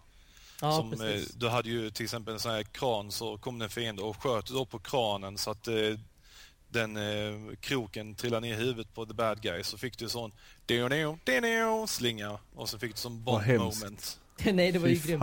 Men, eh, men det fanns biljakter och sådär. Alltså, jag, jag kan säkert spela Ni- Nightfire än idag och ha kul med det. För det, det är ju fru- fruktansvärt underskattat. Och anledningen till att det är underskattat är ju för att folk förväntar sig att det skulle vara Goldeneye. Liksom. Trots att, att det är ingenting man bör sträva efter. Men sen så bestämde sig EA för att sluta försöka bli Goldeneye. Och eh, Mhm. bestämde sig för att skapa ett spel som heter Everything or Nothing. Och då tog man verkligen in Pierce Brosnan, man tog in eh, Judi Dench som M, man tog in John Cleese som eh, Q, man tog in eh, Richard Keel som har spelat Hajen i Bond och eh, Willem Dafoe fick spela skurk. Och eh, Heidi Klum och Shannon eh, Elisabeth kanske. Nej, någon, någonting. Fick spela Bondbrudar. Mm. Eh, och då blev det ju eh, som en riktig jävla Bond-film helt enkelt. Eh, Typ som den femte Pierce Brosnan-filmen som aldrig släpptes. Med eh, tredje persons action, det var cover-system, det var eh, autosikte och så här precisionssikte också. Och eh, närstrider, biljakter, motorcykeljakter, helikopterjakter. Eh, och, och massa sånt där som det släpptes väl eh, nära generationsskiftet. Så det var Alltså det är ett av de bästa actionspelen som släpptes på Xbox-generationen känner jag. Att eh, det, det var stealth också, du kunde liksom... Men vad, eh, vad, sätta het, vad hette det här? Vilket spel är det vi pratar? Alltså... Everything or nothing. Okej, okej. Just det, det sa du. och, och liksom det, det hade så här stealth eh, uppdrag till och med att du liksom var på en vägg, du smög upp på någon, slog ner dem, eh, ljuddämpade vapen och ja, allt sånt där. Och det är liksom det närmsta du kommer ett Bond-spel. Det är som att spela en, eh, en Bond-film helt enkelt. Och, eh, ja, produktionsmässigt så produktionsvärdena var oerhört höga och sådär. Jag fick ingen uppfattning om, om det riktigt blev underskattat eller inte. Jag vill veta att det finns riktigt bra betyg i alla fall. Men ännu en gång så var det en sån där grej att fansen bara kollade på det och sa Nej, det är inte Goldeneye. Vi spelar inte, typ. Eller något sånt där. Ja, ehm. det, det är lite kast.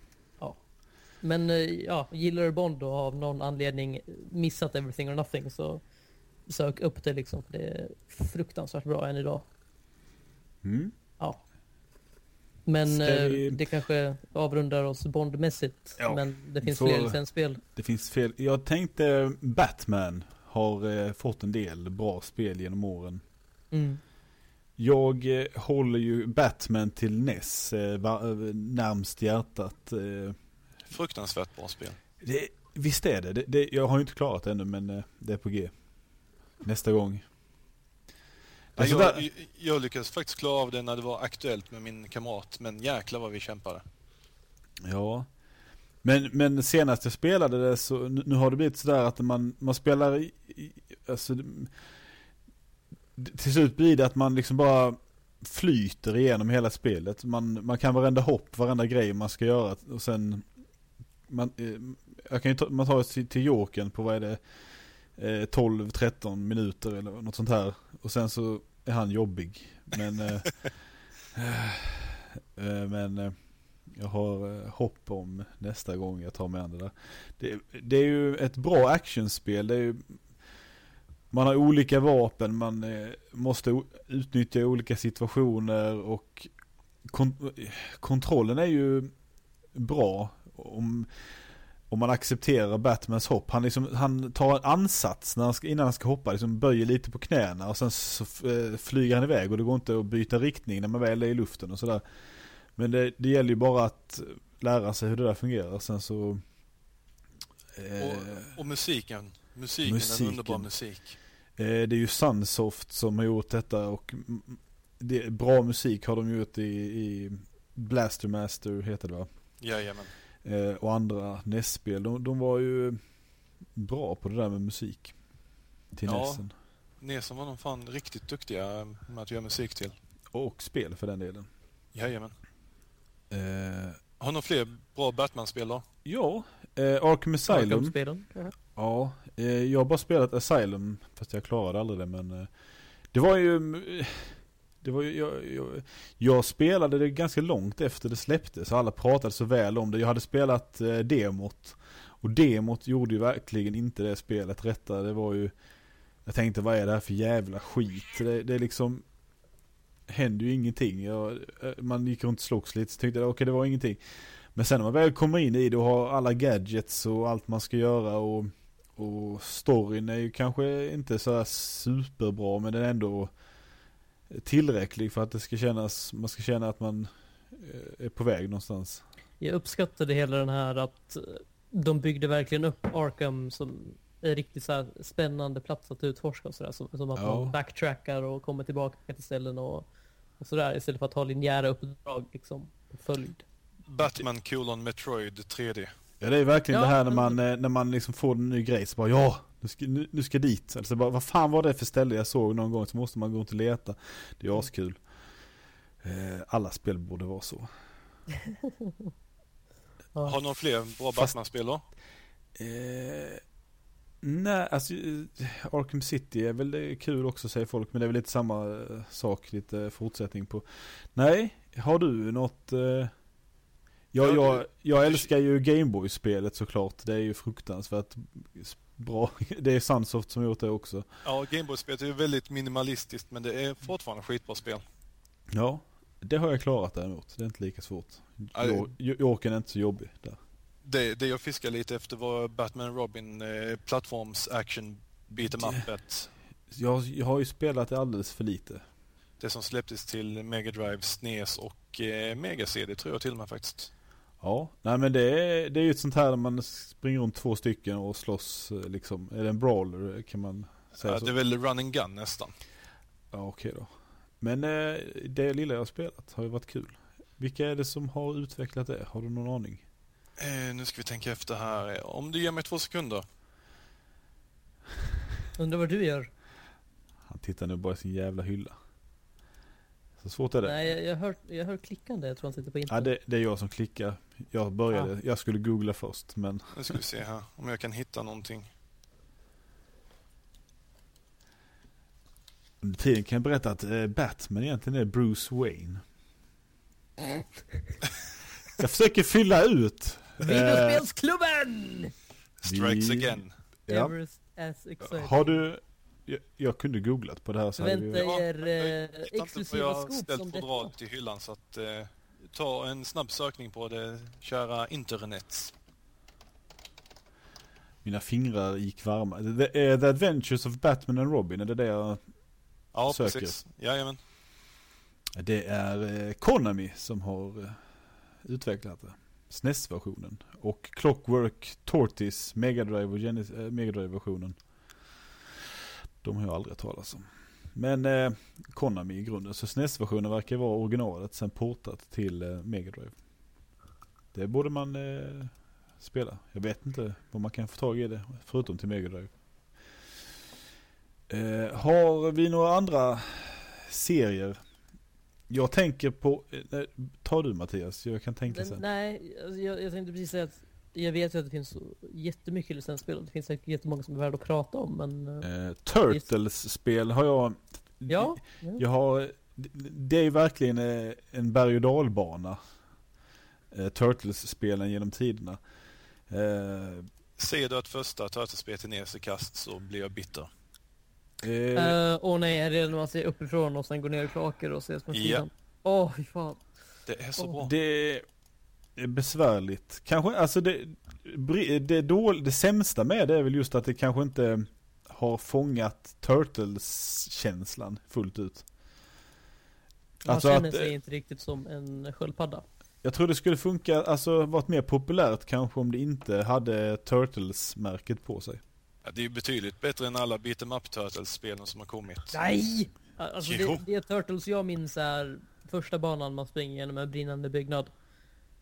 Eh, och, Turtles eh, 2, the arcade game till NES är ju Exakt, är det då man möter Rocksteady som första bossen.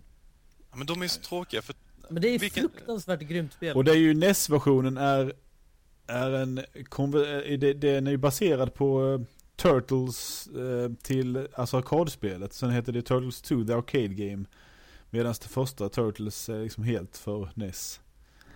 Och sen kom det väl en trean där, eh, vad det nu hette, till NES. Och det populäraste är väl ändå till Super Nintendo, det här... ehm, Turtles in Time. Turtles in Time, som jag aldrig har spelat. Det, det som jag tycker är så tråkigt med beat'em up-spel det är att det skiljer sig inte mellan Turtlarna så som det gör i första spelet. Där ha, har det ju verkligen stor påverkan vilken Turtles du Ja. spelar som. Det har du rätt i. Där Ja, måste du det- hela tiden vara rädd att spara den bästa Donatello, Turtlesen, till sist. Ja, han är bäst.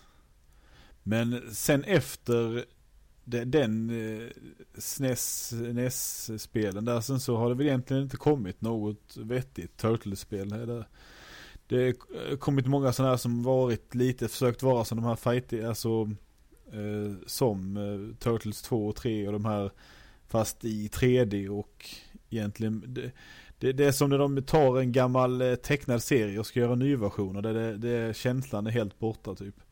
Mm. Jag har väl egentligen inte spelat några Turtles-spel de senaste sex åren heller. Nej. Det, men det har ju kommit här till eh, den här filmen som kom och det kom väl något innan också. Eh, men jag har ingen eh, aning faktiskt. Jag lär väl drälla ut lite till. De hade väl en ny Turtles-serie. Ja, den är alldeles... Jag har inte sett den. Men den ska vara ganska hyfsad har jag hört. Men då har jag en utmaning att ge er. Okej. Mig?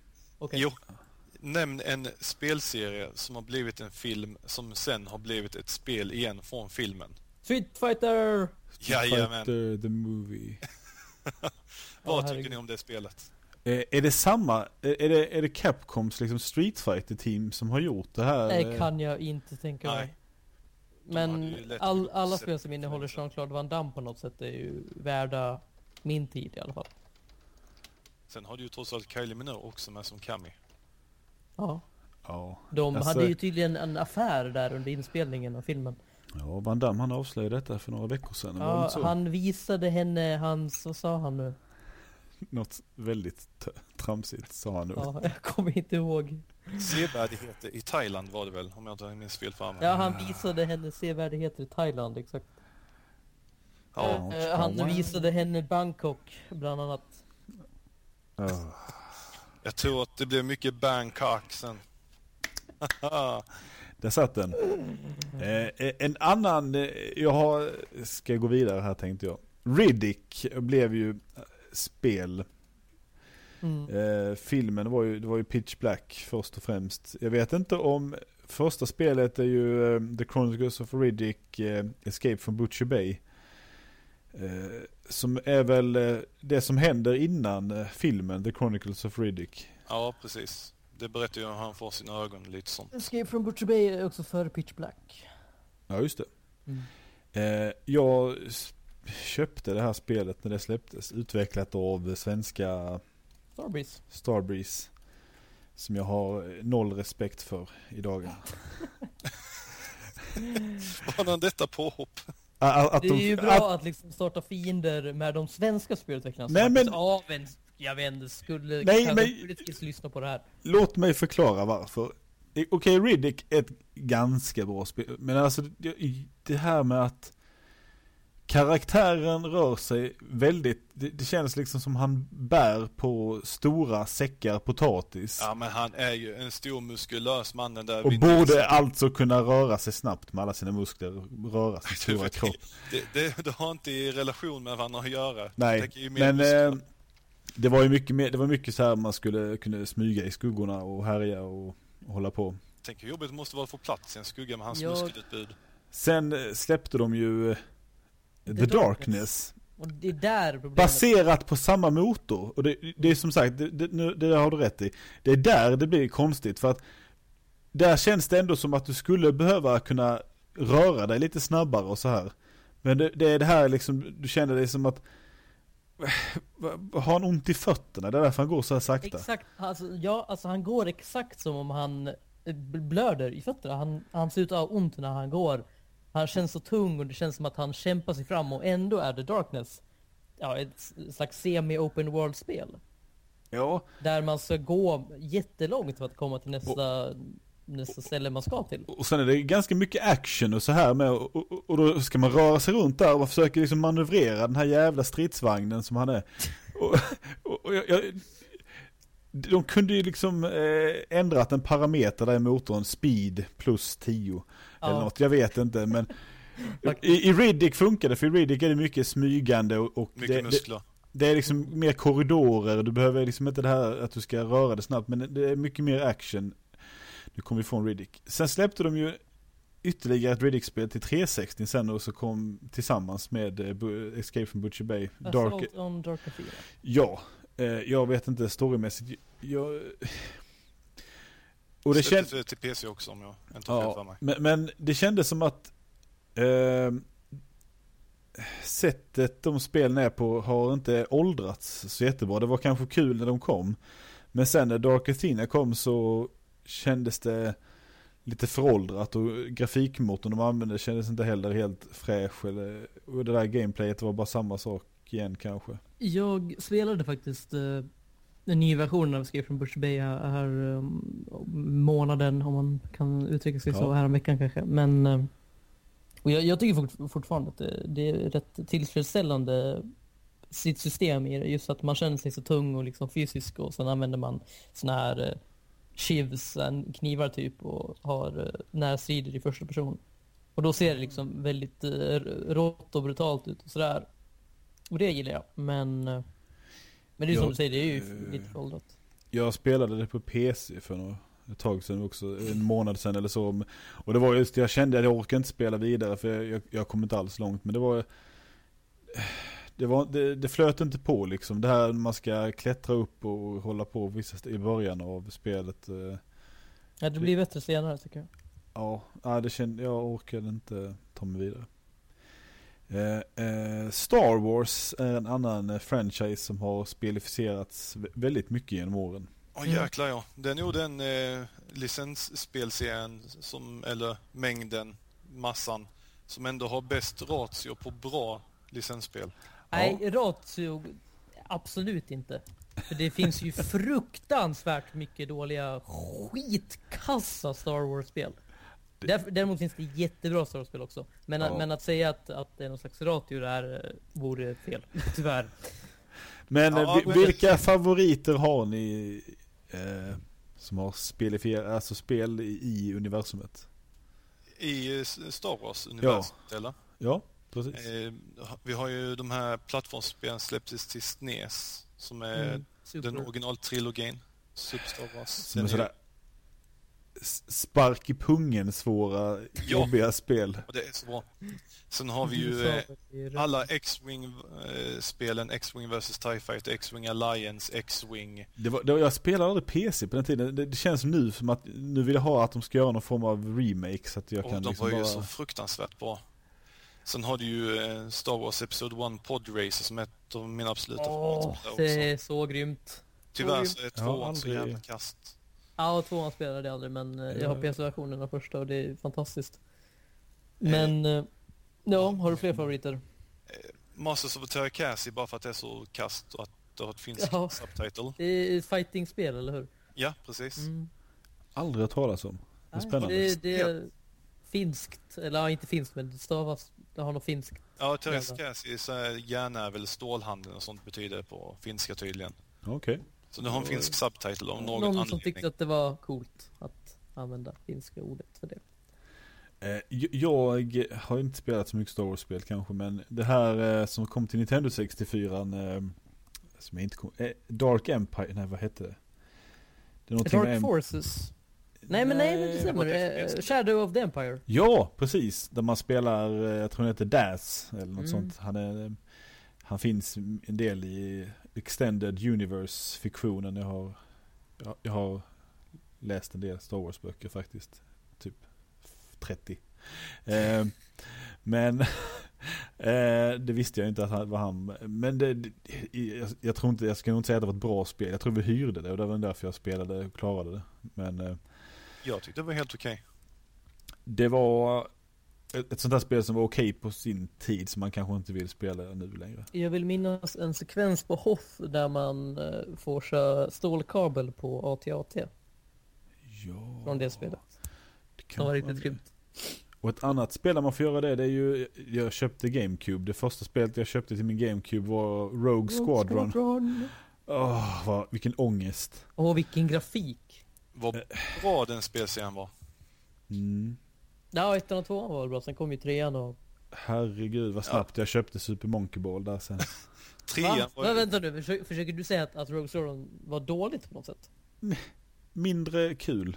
Va? Det var ju helt fantastiskt. Sluta vara så politiskt korrekt nu Garcia och säg vad du tycker om spelet. Nej men alltså det var rätt, det var hyfsat kul men det var, jag kände att jag det- det blev tråkigt att bara flyga runt. Och sen köpte du Super Monkey Ball. Vad i Alltså, helvete? Ja, det var ju eh, inget bra val heller sen. Ja, men nu det- förolämpar du två av de spelen jag gillar till GameCube. Nej men, Super Monkey Ball är också kul, men, men för mig är det liksom som att ett spel som är kul så länge så att jag vill betala 7 kronor på det på, på iTunes, äh, App Store. Ungefär så. Alltså det, jag vill spela det i två timmar och sen så behöver jag aldrig mer spela, då vill jag inte betala 600 för det. Mm. Men de är bra spel. Jag håller med. Det är bara att eh, de, jag liksom stod inte ut med att spela dem fullt ut. Tror jag. Jag, klarade säkert Rogue Squadron bara för det men Hade du fler favoriter? Star Wars, eh, nej. Jag har för mig i alla fall att du gillar och jag älskar avgudar eh, Republic Commando. Jag har inte, jag spelade ju det lite på din inrådan eh, och det är faktiskt eh, ganska skoj för att vara sådär gammalt eh, FPS.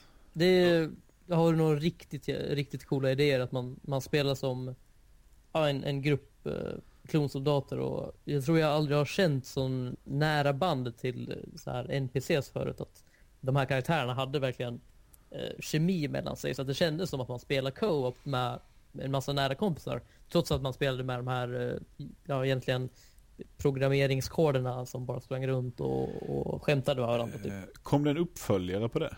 Nej, det gjorde tyvärr aldrig det. Det gick rykten om att det skulle komma, men det gjorde aldrig det. Illa. Mm. Men jag ska nog ta och spela det lite mer någon gång för det var ändå ganska skoj. Eh, det, Ehm. det är just det, det är ett FPS i, i Star Wars. Det, det, det är bra, bara den kombinationen. Då kan vi Star hoppa över Wars till F- Battlefront. Nej, nej, Star Wars FPS eh, är ju en bra kombination. Jag tänker på Dark Forces, Dark Forces 2, Jedi Knight-serien, Jedi Academy, Jedi Outcast, som är Eh. några av de absolut bästa Star Wars-spelen. De Eh, Battlefront. De har aldrig spelat. Battlefront är också nice, men, men innan dess var, var Jedi Knight 2, det är alltså ingen av er som har spelat det? Jo då, visst har Ja, jag Okej, spelat. ja men då så. Ja men det var ju där, det är nog det bästa spelet som har, eller spel som har liksom fångat ljussabeln på bäst sätt. Att, att slåss med ljussabeln i det spelet var helt fantastiskt. Speciellt om man Det- slog på Realistic Saber sheet och verkligen kunde kutta huvudet av Stormtroopers. Men eh, det, det, var, det var skitkul att Lana köra en mot en i LAN med Ja, ja, det var också grymt. lightsabers. Jäklar vad det gick åt helsike snabbt. Ja. Haha, jag ska slå dig. Aj fan, där dog jag. Det känns som jag har, jag har missat det. Det, det. det är som någonting som har sprungit förbi mig och jag kan aldrig... ja men jag Får vara kommer med om tvinga det. dig att, att spela Jedi Knight 2 för det är ett riktigt bra spel än idag. Ja, du, du menar alltså att det, man är första person och har svärd? Nej man är första person och har vapen. Sen Okej. när man får svärdet så är det tredje person. Okej. Men jag kan... eh, Men ge- de första spelen innan Jedi Knight 2 var första person med vapen och svärd. Okej. Ja. Eh, har ni, nu måste vi prata om Disney-spel till NES och gamla 16-bits-maskiner och så vidare. Så vi bara snabbt säga uh, Knights of the Old Republic och Lego Star Wars-spelen och Battlefront som sagt. Ja, men eh, alla Lego-spelen är ju bäst i världen, egentligen. Men De är, de är samma sak men de har liksom ta, de tar liksom det som är hjärtat i vad just temat är och bara man, man kan inte, man kan inte tycka om Lego, illa om Lego, Lego-spelen, det är helt omöjligt. Ja. Eh, då är man dum i huvudet. Ja. Eh, men eh, de gamla, eh, när vi har främst Disney-spelen som kom till NES är ju en samling fantastiska Capcoms kreationer. Lenny. Ska vi köra name dropping bara? Name, Ja. Bara. Vi, vi har, vi har DuckTales eh, Ett Ja. och två. 1 och 2. Tvåan har jag inte riktigt engagerat mig så mycket i men det, det är ju Det är både grafiskt och eh, ljudmässigt eh, Superbt. superbt. Samma sak gäller eh, Chippendale Rescue Rangers 1 och 2. Där ettan är väl bättre än tvåan skulle jag gissa. Ja, Det blir håller så. med. Eh, Darkwing Duck som jag håller på att spela lite till och från nu. Eh, det är också väldigt trevligt. Där får man välja banor och sådär lite som i Megaman. Och, eh, tycker, eh, alltså grafiken, det är mycket detaljer i eh, animationer och sånt kan jag tycka i de spelen. Ja, de har, de har lagt upp det väldigt, väldigt tecknat med stora rena ytor och färger och ändå så lyckas de ha de här lite mer detaljerade områdena utan att sabba helhetsintrycket. Ja. Mm. Eh, sen har jag hört att eh, Tailspin ska vara trevligt till NES. Jag har kanske spelat, testat det någon gång men aldrig riktigt eh, så Jag- mycket att jag... Jag kommer ihåg att jag var hos en kamrat som fyllde år och fick det i födelsedagspresent. Tre timmar senare så hade jag klarat av det hos honom. Ja. Ja, Men- men det det, är det var lite- typ det första så här uh, shoot em up-spelet, för man kör ett flygplan misstänker jag. Ja, där man ja. kunde vända eh, plan, eller man kunde vända planet och åka åt vänster. Det kommer jag inte alls ihåg. Jag kommer ihåg man Ja, ja, jag tror det kan vara så. Eh, Lenny, äger du Tailspin? Eh, nej, det gör jag inte. Ja, du- vi får skaffa Tailspin så vi kan göra en video när vi spelar Tailspin. Eh, det är bestämt nu. Eh, Ja. ja. Eh, Sen har vi ju en riktigt många bra Disney-spel på SNES och Genesis slash Mega Drive också. Absolut. Aladdin. Eh, jag, vi- jag visste att du skulle säga Aladdin och ni kan få prata om Aladdin för jag tänker inte prata om Aladdin. Eh, Jag behöver inte prata om Aladdin. Förutom jag vill bara säga att, att det ser fantastiskt bra ut och det, Ja, det- det kan jag hålla med om. Ja. Det, Det är det är väl. Shiny som har gjort det också. Och det betyder ju underbara animationer och Ja. färger och hela kittet. Eh, Mm. men som- Shiny har gjort eh, vilken av versionerna? Eh, Mega Drive-versionen i varje fall vet jag. Och, och Capcom har gjort eh, Super Nintendo. Det är två helt olika spel. Ja, eh, vad heter det? Shinji Mikami som gjorde Resident Evil jobbade, tror jag bestämt på, på SNES-versionen som Capcom gjorde. Men jag han, spelade gjorde ju, han gjorde ju också Ja. Goof Troop till Super Nintendo. Ja, Goof Troop är ett annat bra pusselspel men Mega Drive-versionen av Aladdin är den bästa av de två.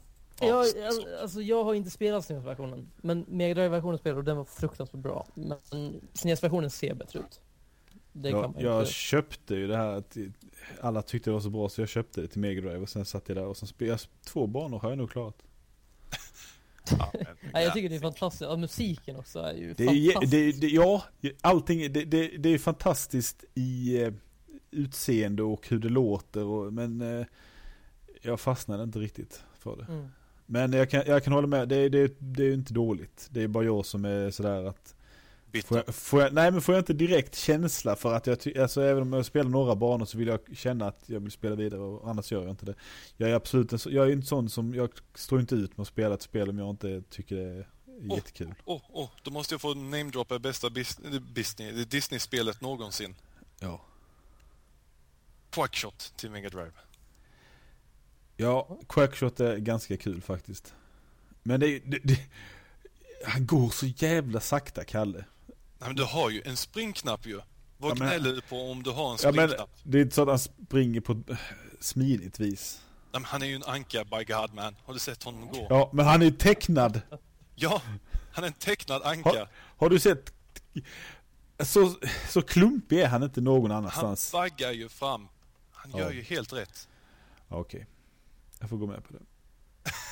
Ta, ta, ta en titt så kan vi ha en snabb diskussion om vilket som hade rätt i nästa avsnitt. Men jag, spel, jag spelade faktiskt ganska mycket eh, Quackshot där ett tag. Så Det, det, det är kul för att det, det, är lite annorlunda också. och det, det är nog en av få spellåtarna som verkligen kan ploppa upp var, när, var och när som helst i mitt huvud så jag tvingas se nynna på den även när jag sitter på jobbet. Ja, det, jag kan inte komma ihåg alls. Eh, sen, jag tänkte vi kanske skulle avrunda det här strax här men eh, vi får prata om lite dåliga licensspel också. Jag tycker att eh, eh, där Disney-spelen som bygger på tecknade tv-serier blir, eh, kan bli bra så blir spel baserade på eh, tv-serier med, med riktiga skådespelare i kanske inte lika bra. Jag, har... jag kan inte ens tänka mig. Nej, jag, jag, jag, det är spel jag inte har spelat men Lost 24 ja. CSI och ja. X-Files har jag listat här. Men Bara man ser de där spelen. X-Files har jag för mig att jag har spelat faktiskt. Då är det så här, Då är det ett peka-flicka-äventyr med, ja. Eh, med riktiga skådisar. Jag har för mig att jag tyckte det var skitkul. Ja, jag har för mig att min styvfar körde det och jag tittade på att det var rätt grymt alltså. Uh, mm. Men det, kan, eh, det är ju lite mer, det är ett universum med som kanske går att bygga lite spel på. Medan CSI ja. låter ju lite som att Ja, men det är ju en genialisk idé men eh, jag förstår ju att det lär ju vara svårt att göra någonting bra av det. Det är lite det här som... Det är bara man... Police Quest all over again. Ja, precis. Ja, ja men så här, pixel hunt efter ledtrådar. Har du några fler exempel på dåliga spel här?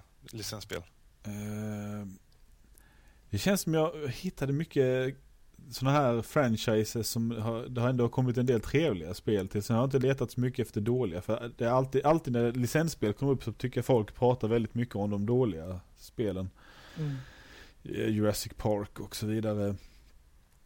Ja, vissa. Ja, Jurassic Park har jättemånga spel har jag insett på senare tid och många av dem är eh, fullständigt värdelösa. Men eh, Genesis-versionen till Mega eh, är riktigt jävla grym, plattformsspelet.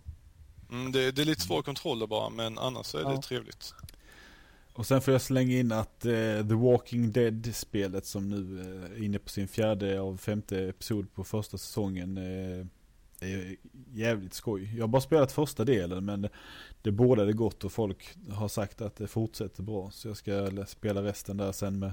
Ja, där har vi också en eh, serietidning som har blivit en film slash tv-serie som sen har blivit ett spel. Har ni några fler exempel? Nej, men här har ju spelet, det är ju baserat på serietidningarna. Jo, jo visst, men den filmen, eller serien hade ju ändå premiär för det så jag tänker bara rent kronologiskt. Jo, jo, men eh, eh, spe, spelen är ju, är ju eh, kanon, så att säga. Mm. Det, det, har ju godkänts. Det är ju inte tv-serien. Men det kom ju ett spel på tv-serien också som handlar om eh, den här eh, Merle och Daryl, bröderna. Det avslöjades nyligen att det skulle handla om de två, antagligen då innan tv-serien. Snackar vi ju om Activisions FPS nu? Ja, okay. så ligger det nog till. Ett FPS med jag. Jag tycker om FPS men jag tycker inte att det låter kul ändå. Eh, vi, vi, måste nämna Alien också kanske, kände jag helt plötsligt. Har det, alltså det har ju släppts, vilka är de bästa spelen och de sämsta? Aliens Infestation och Alien vs Predator. Alien vs Predator originalspelet. Ja. Jag har med spelat det lite. jag spelade extremt lite som första uppdraget då när man är marines. Alltså att gå i en mörk korridor och sen så började det blippa på en sån här motion, motion oh, sensor. Det var så bra. Vilken skräck. Det var... Ja, jag och mina vänner, vi, vi satte polare, släckte ner rummet och satte dem framför eh, kampanjen som människa. Och de, de höll på att skita på sig. Ja, men det är ju så. Det är ju... Härligt. Jag personligen spelade aldrig första, men AVP2 multiplayer-läget där var ju fantastiskt. Man, mm, det var skitbra. Medans... på väggar som alien och attackerade människorna. De senare nu, eh, spelen verkar inte alls något att hänga i julgranen. Nej. Jag kommer ihåg att jag spelade Alien till C62 också en hel del när man skulle skifta mellan de olika gubbarna och... Ja, ja. Men jag har lite hopp inför Colonial Marines, kanske. Mm, vi får väl se. Det är väl ändå, det är Gearbox. Eh, kommer det att släppas någon gång? Ja, ja det, det, är på väg. Det, det, det är det de jobbar på. Det är början av nästa år va? Ja, kanske. Men eh, det, det är alldeles för långt ja. gång, eh, kommit för att, att det ska släppas, eller att, för att, att det ska läggas ner. Det kommer absolut släppas. Liksom. Det är Från företaget som till slut gav oss Duke Nukem Forever. Ja. ja. de, de, de fick överta andan också. Ingenting är någonsin för sent för dem. Ja, då... Eh... Nej, Nej. Nej, förlåt. Jag, jag har en liten bonus här som jag satt och knåpade ihop innan när eh, vi bestämde att det skulle vara licensspeltema. Oh. Då funderade jag som så att vilken skådis har varit med i flest spel förutom Mark Hamill eftersom han är med i 3 miljarder Star Wars-spel? Har ni några förslag? Är det verkligen han som gör rösten till Luke i de flesta Star Wars-spelen? Nej, men det Nej. avbildar honom i varje fall. Det är så jag tänkte. Ah, okej, du menar så. Ja, okej. Men annars så gör han ju faktiskt väldigt mycket andra Ja, ja, spel. visst. Eh, Wing Commander och, och Ja. Joker och så vidare och så vidare. Men du menar, ja, alltså en, eh, en skådespelare vars karaktär från en film har varit med i mest spel. ja, Eh, Arnold Schwarzenegger. jajamän, det har vi. Nej, sant. Ja, nice. Jag har suttit och plockat fram lite fakta här. Det har varit mycket crunchande och mycket manuellt räknande men Mm. han är med i ungefär tio olika filmlicenstitlar. Och Mm. de, de här är spridda över så många plattformar så att jag, jag räknar till 17 plus sen slutade jag räkna. Ja. Eh, däremot så eh, har jag suttit och räknat ihop lite, li, lite så här hyfsat eh, snabbräkning över hur många olika spel. Och då har jag räknat till exempel som att eh, Last Action Hero det släpptes till Amiga, DOS, Game Boy, Game Gear, Genesis, NES och SNES. Då har vi alltså bara där åtta spel tror jag blev, om jag inte räknar fel Mm. men åtta olika titlar. Det betyder att a- alla spel han har varit med i så är det runt ja, 98 till 100 olika enskilda spel. Varav 25 till 28 av dessa minst är Terminator-spel. Alldeles för få. På tal om Terminator så har ni no Jag spelade Terminator 3 till PS2 för något år sedan. Och det, Mm. Det har jag inte... Nej, spela Nej. aldrig det spelet. Det, det var ett, ett FPS där det absolut inte gick att sikta överhuvudtaget och därför så fanns det autolock-funktion. För att det enda fanns att du skulle hinna skjuta ner fiender, det var att du fick, kunde autolocka på dem för att du, det gick inte att sikta. Och, och så bara gick det runt Terminators där och det var någon, ah, att, det, att det ens kom, det måste ha kommit ganska sent i PS2-generationen eftersom det kom när Terminator 3 kom ändå. Så ett fruktansvärt dåligt Terminator-spel. Men nu har jag en sista utmaning kvar. Kan ni gissa vilka spel det han har varit med i? Om, om man bara tänker till filmlicenserna. Om ni tänker efter nu. Okej, ehm, Predator, Terminator, Last Action Hero, Ja, just det. eh, Commando, heter det så? Ja, finns inget spel på Commando faktiskt. Oj. ehm, Ja, vad var det mer? han är ju med i, eh, i The Expendables 2 misstänker jag. Mm, Den har jag inte räknat med. Jag tror inte han är... Ja, han, han är säkert där, men jag har inte räknat med The Expendables 2 ännu som Ah, okej. Jag vet inte Ja. hur Ja, spelet kommer vara nämligen. Nej, just det. Eh, jag ska man söka komma på någon film han har varit med först och främst så är man helt hjärndöd. Upp, upp. Okej. Ja, han har inte varit med i så många filmer va? Nej, Nej. men Conan då. Ja. Conan också, ja. Mm. ja. Eh, Har du några fler? Vi kan inte Ja. sitta här och... Nej, men vi har Conan, vi har Terminator 1, Terminator 2, Terminator 3. Sen Ja, har vi ju eh, Terminator vs Robocop också. Det är även hans likhet med där. Ja, just det. Predator, vi har The Running Man, Mm. Ah. har vi Total Recall och där har vi ändå lite olika versioner av Total Recall. Inte bara olika plattformar utan olika, olika spelupplägg, vilket är lite intressant. Mm. Sen har vi ju Last Action Hero, sen har vi True Lies. Ah. Oj, finns det som spel? Ja, det är, det är lite Ja. underskattat faktiskt, True Lies. True Lies är fan en av hans bästa filmer tycker jag. Det kanske jag inte håller med om däremot, men i varje fall. Sen den sista jag lyckades hitta, det var, eh, han är ju trots allt eh, Dr. Freeze, eller Mr. Freeze i Batman och Robin, som Mm. eh, så släppte sin Playstation-version. Helt korrekt. Ja, Då har vi lite extra Arnold Schwarzenegger-fakta. det kan man alltid behöva. Ja. Men! Det är slut för den här gången. Och... eh, Ja. Ja. Ja. Men eh, vi finns ju på videospelsklubben.se och eh, på Twitter heter klubben VS-klubben. At VS-klubben säger man kanske. Och jag är eh, at Gessimaluk.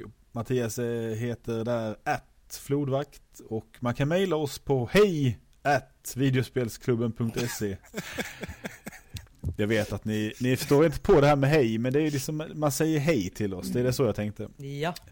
Eh, vi finns också på iTunes, man kan ju kanske slänga in en recension där. Vi har fått ett betyg på fyra av fem stjärnor, fast jag får inte fram att det är någon som har skrivit någon recension, utan mer bara ett eh, stjärnbetyg.